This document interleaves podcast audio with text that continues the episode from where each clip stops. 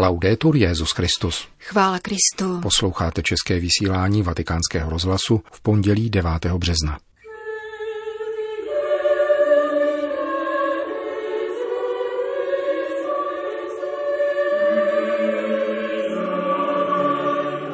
Opravdové vyznání hříchů musí probíhat v srdci, kázal papež František při raním v kapli domu svaté Marty. Zrušení bohoslužeb na celém území Itálie působí utrpení kněžím i věřícím, píší italští biskupové. Vatikán potvrdil jediný případ koronaviru a posílil prevenci, říká ředitel Vatikánského zdravotnického střediska v rozhovoru, který uslyšíte na závěr našeho dnešního pořadu, kterým provázejí Jana Gruberová a Milan Glázer. Zprávy vatikánského rozhlasu. Vatikán. Kdo necítí zahanbení nad svými hříchy, ztrácí morální autoritu, kázal Petru v nástupce při raním ši. Dnešní papežská bohoslužba v kapli domu svaté Marty byla vůbec poprvé dostupná v přímém přenosu a její záznam je na webových stránkách Vatican News. Tak tomu bude také v příštích dnech, kdy bude papež sloužit liturgii v soukromí, ale před štábem Vatikánského televizního centra, aby se věřící mohli účastnit mše aspoň tímto způsobem, když byl pro celé území Itálie vydán zákaz bohoslužeb. Svatý otec na začátku také oznámil, že bude v těchto dnech sloužit mši za nemocné, kteří trpí epidemí koronaviru, jejich lékaře, ošetřovatele, dobrovolníky a rodinné příslušníky, ale i za osamocené staré lidi a za uvězněné.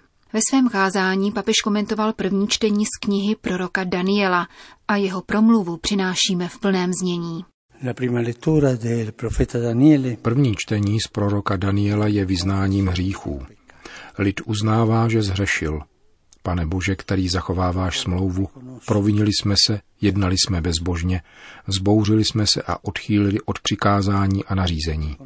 Neposlouchali jsme tvé služebníky, proroky, kteří tvým jménem mluvili k našim králům, knížatům, našim otcům i všemu lidu země. Je to vyznání hříchů, přiznání, že jsme zhřešili, když se připravujeme k přijetí svátosti smíření, máme si vykonat zpytování svědomí a podívat se, jak jsem jednal před Bohem. Zhřešil jsem a uznat hřích. Uznání hříchu však není jenom rozumové vypracování seznamu hříchů, tedy že jsem se dopustil těch a těch hříchů a říct si to otci, kterým nerozhřeší. To není to nezbytné, to správné. Takový seznam zůstává pouze v hlavě – Opravdové vyznání hříchů musí probíhat v srdci. Jít ke zpovědi neznamená jenom sdělit knězi seznam toho, co jsem udělal, a potom odejít s rozhřešením. V tom to není. Je zapotřebí další krok, kterým se vyznává vlastní bída, avšak ze srdce. To znamená, že seznam špatností, které jsem učinil, se stoupí do srdce. Tak to činí prorok Daniel. Tobě, pane, sluší přiznat spravedlnost, nám však hambu. Když uznávám, že jsem hřešil, cítím to v srdci. Máme pocit zahanbení. Stydím se, že jsem tak jednal a se zahanbením prosím o odpuštění. Kdo necítí zahanbení nad svými hříchy, ztrácí morální autoritu, přichází u druhých o vážnost. Je nestoudný. Bohu spravedlnost, nám hamba. Hospodine, pokračuje Daniel, nám se sluší hanbit ve tváři, našim králům, knížatům a našim otcům, neboť jsme zhřešili proti tobě. Avšak pán, náš Bůh, ať má s námi milosrdenství. Nejprve mluví prorok o spravedlnosti, teď o milosrdenství.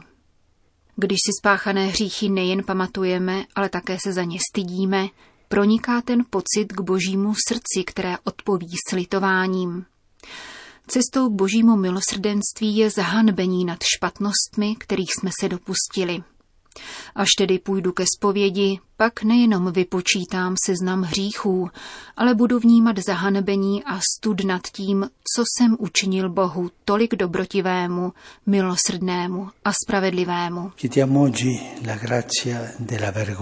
Prosme dnes o milost zahanbení, abychom se styděli za svoje hříchy kéž nám všem udělí Pán tuto milost. Končil papež František dnešní kázání při raním ši v kapli domu svaté Marty. Dnes dopoledne začala kanonická návštěva francouzské biskupské konference Ad Limina a papež František se setkal s první skupinou tvořenou 31 biskupy. Řím. Nedělní dekret italské vlády týkající se šíření viru COVID-19 nařizuje z preventivních důvodů pozastavení veškerých občanských a náboženských obřadů, včetně pohřebních na celém území, a to s prozatímní platností do pátku 3. dubna. Italská biskupská konference na něj reagovala stručným tiskovým prohlášením, které přinášíme. Církev, která žije v Itálii a prostřednictvím svých diecézí a farností stojí na blízku každému člověku, sdílí všeobecné znepokojení vyvolané zdravotní krizí, jež zasáhla tuto zemi. Biskupská konference v těchto týdnech ve vztahu konfrontace a spolupráce se státními úřady přijala a uplatňovala opatření, jimiž chce vláda zabránit šíření koronaviru. Dekret předsednictva ministerské rady, který vstoupil v platnost v neděli 8. března, ruší až do pátku 3. dubna na celém území občanské a náboženské obřady včetně pohřbů. Výklad podaný vládou mezi náboženské obřady rigorózně zahrnuje rovněž mše svaté a pohřební obřady. Jedná se o vysoce restriktivní postup, jehož přijetí se setkává s utrpením a obtížemi jak u pastýřů, tak mezi kněžími a věřícími. Přijetí vládního dekretu bylo také v této svízelné situaci podníceno výlučně vůlí dostat vlastním povinnostem, aby se přispělo k ochraně veřejného zdraví. Píší italští biskupové v souvislosti se zákazem veřejných bohoslužeb ve všech diecézích. Kostely nicméně zůstávají otevřené pro osobní modlitbu za zachování metrových bezpečnostních rozestupů, které platí rovněž pro udílení svátosti smíření. Vatikán. Jak sdělilo tiskové středisko svatého stolce v souvislosti s nedělním dekretem italské vlády přijali vatikánské úřady další opatření zaměřená na prevenci šíření koronaviru v úřadech a dalších institucích svatého stolce, jakož i v guvernatorátu městského státu Vatikán.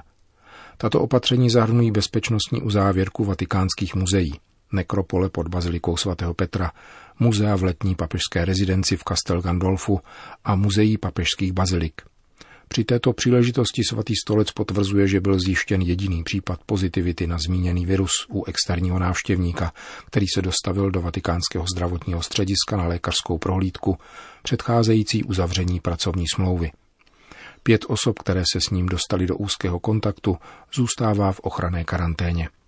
Vatikán. Kvůli nákaze koronavirem se život za vatikánskými hradbami nezastavil. Ačkoliv byla pro veřejnost uzavřena vatikánská muzea, pokračuje provoz vatikánské lékárny i další služby.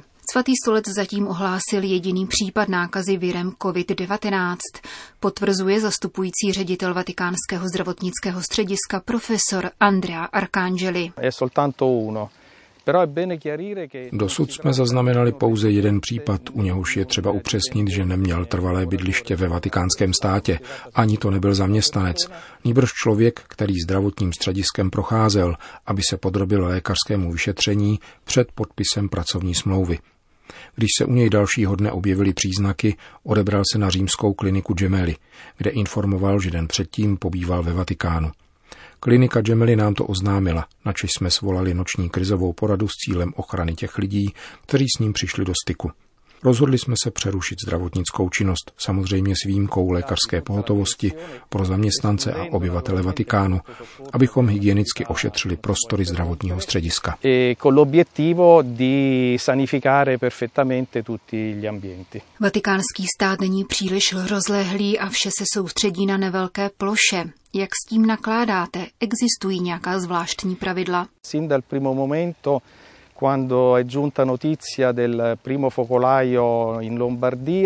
Sledujeme situaci s co největší pozorností již od výskytu prvního ohniska v Lombardii. Vydali jsme pracovní pokyny pro naše lékaře a ošetřovatele a pro vatikánské zaměstnance a obyvatele jsme sepsali rukověď bezpečnostního chování, která odkazuje k nařízením italského státu a kterou průběžně aktualizujeme podle vývoje situace. Co se týče organizace naší lékařské péče, zprovoznili jsme službu věnovanou pacientům potenciálně ohroženým infekčním rizikem, které přijímáme v oddělených prostorách, v mobilní buňce zaparkované před zdravotnickým střediskem, aby se tak zabránilo jejich kontaktu s dalšími lidmi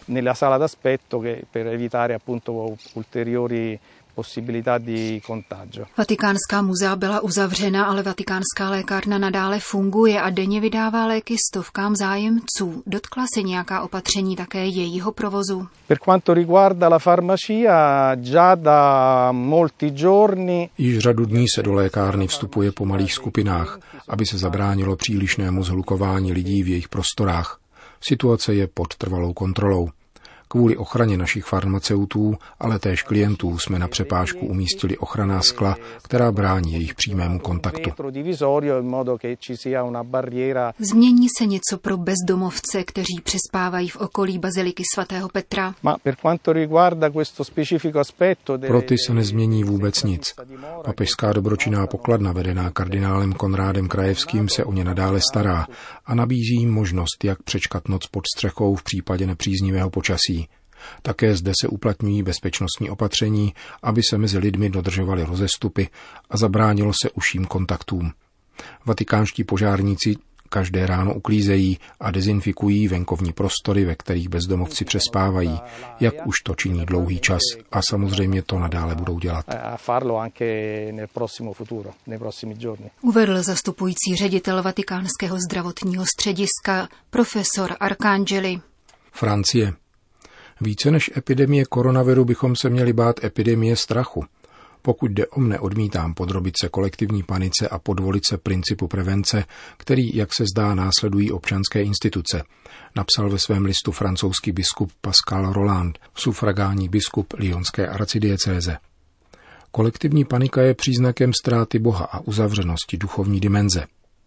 Nemíním vydávat pro svou diecézi nějaké zvláštní nařízení – Přestanou se křesťané zhromažďovat k modlitbě, budou odmítat, aby navštěvovali své blízké. S výjimkou elementárních moudrých opatření, jež přirozeně dělá každý, kdo onemocní, aby nenakazil ostatní, není vhodné se k tomu připojovat.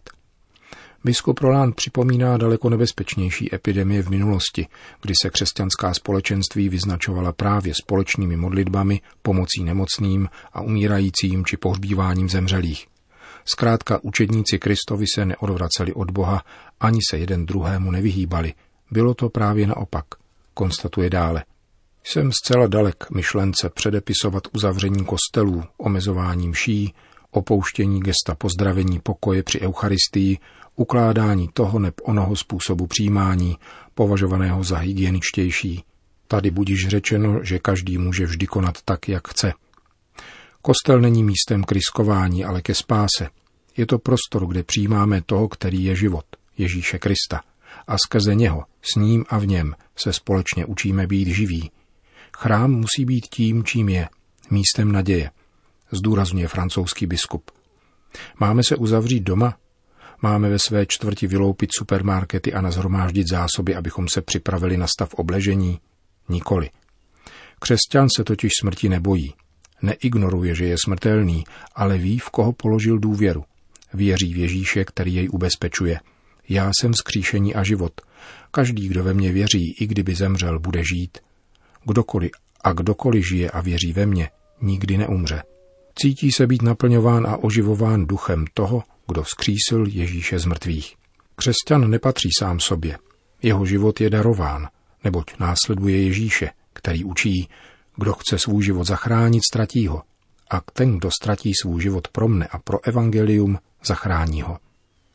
Nevystavuje se tomu nepatřičně, avšak nechce se za každou cenu zachraňovat. V následování svého mistra a pána se učí dávat do služby těm nejslabším, s výhledem na budoucnost věčného života. Nepodléhejme tedy epidemii strachu, nebuďme polomrtvými, jak říká papež František, nenechte si svou naději ukrást píše ve svém pastýřském listu francouzský biskup Pascal Roland.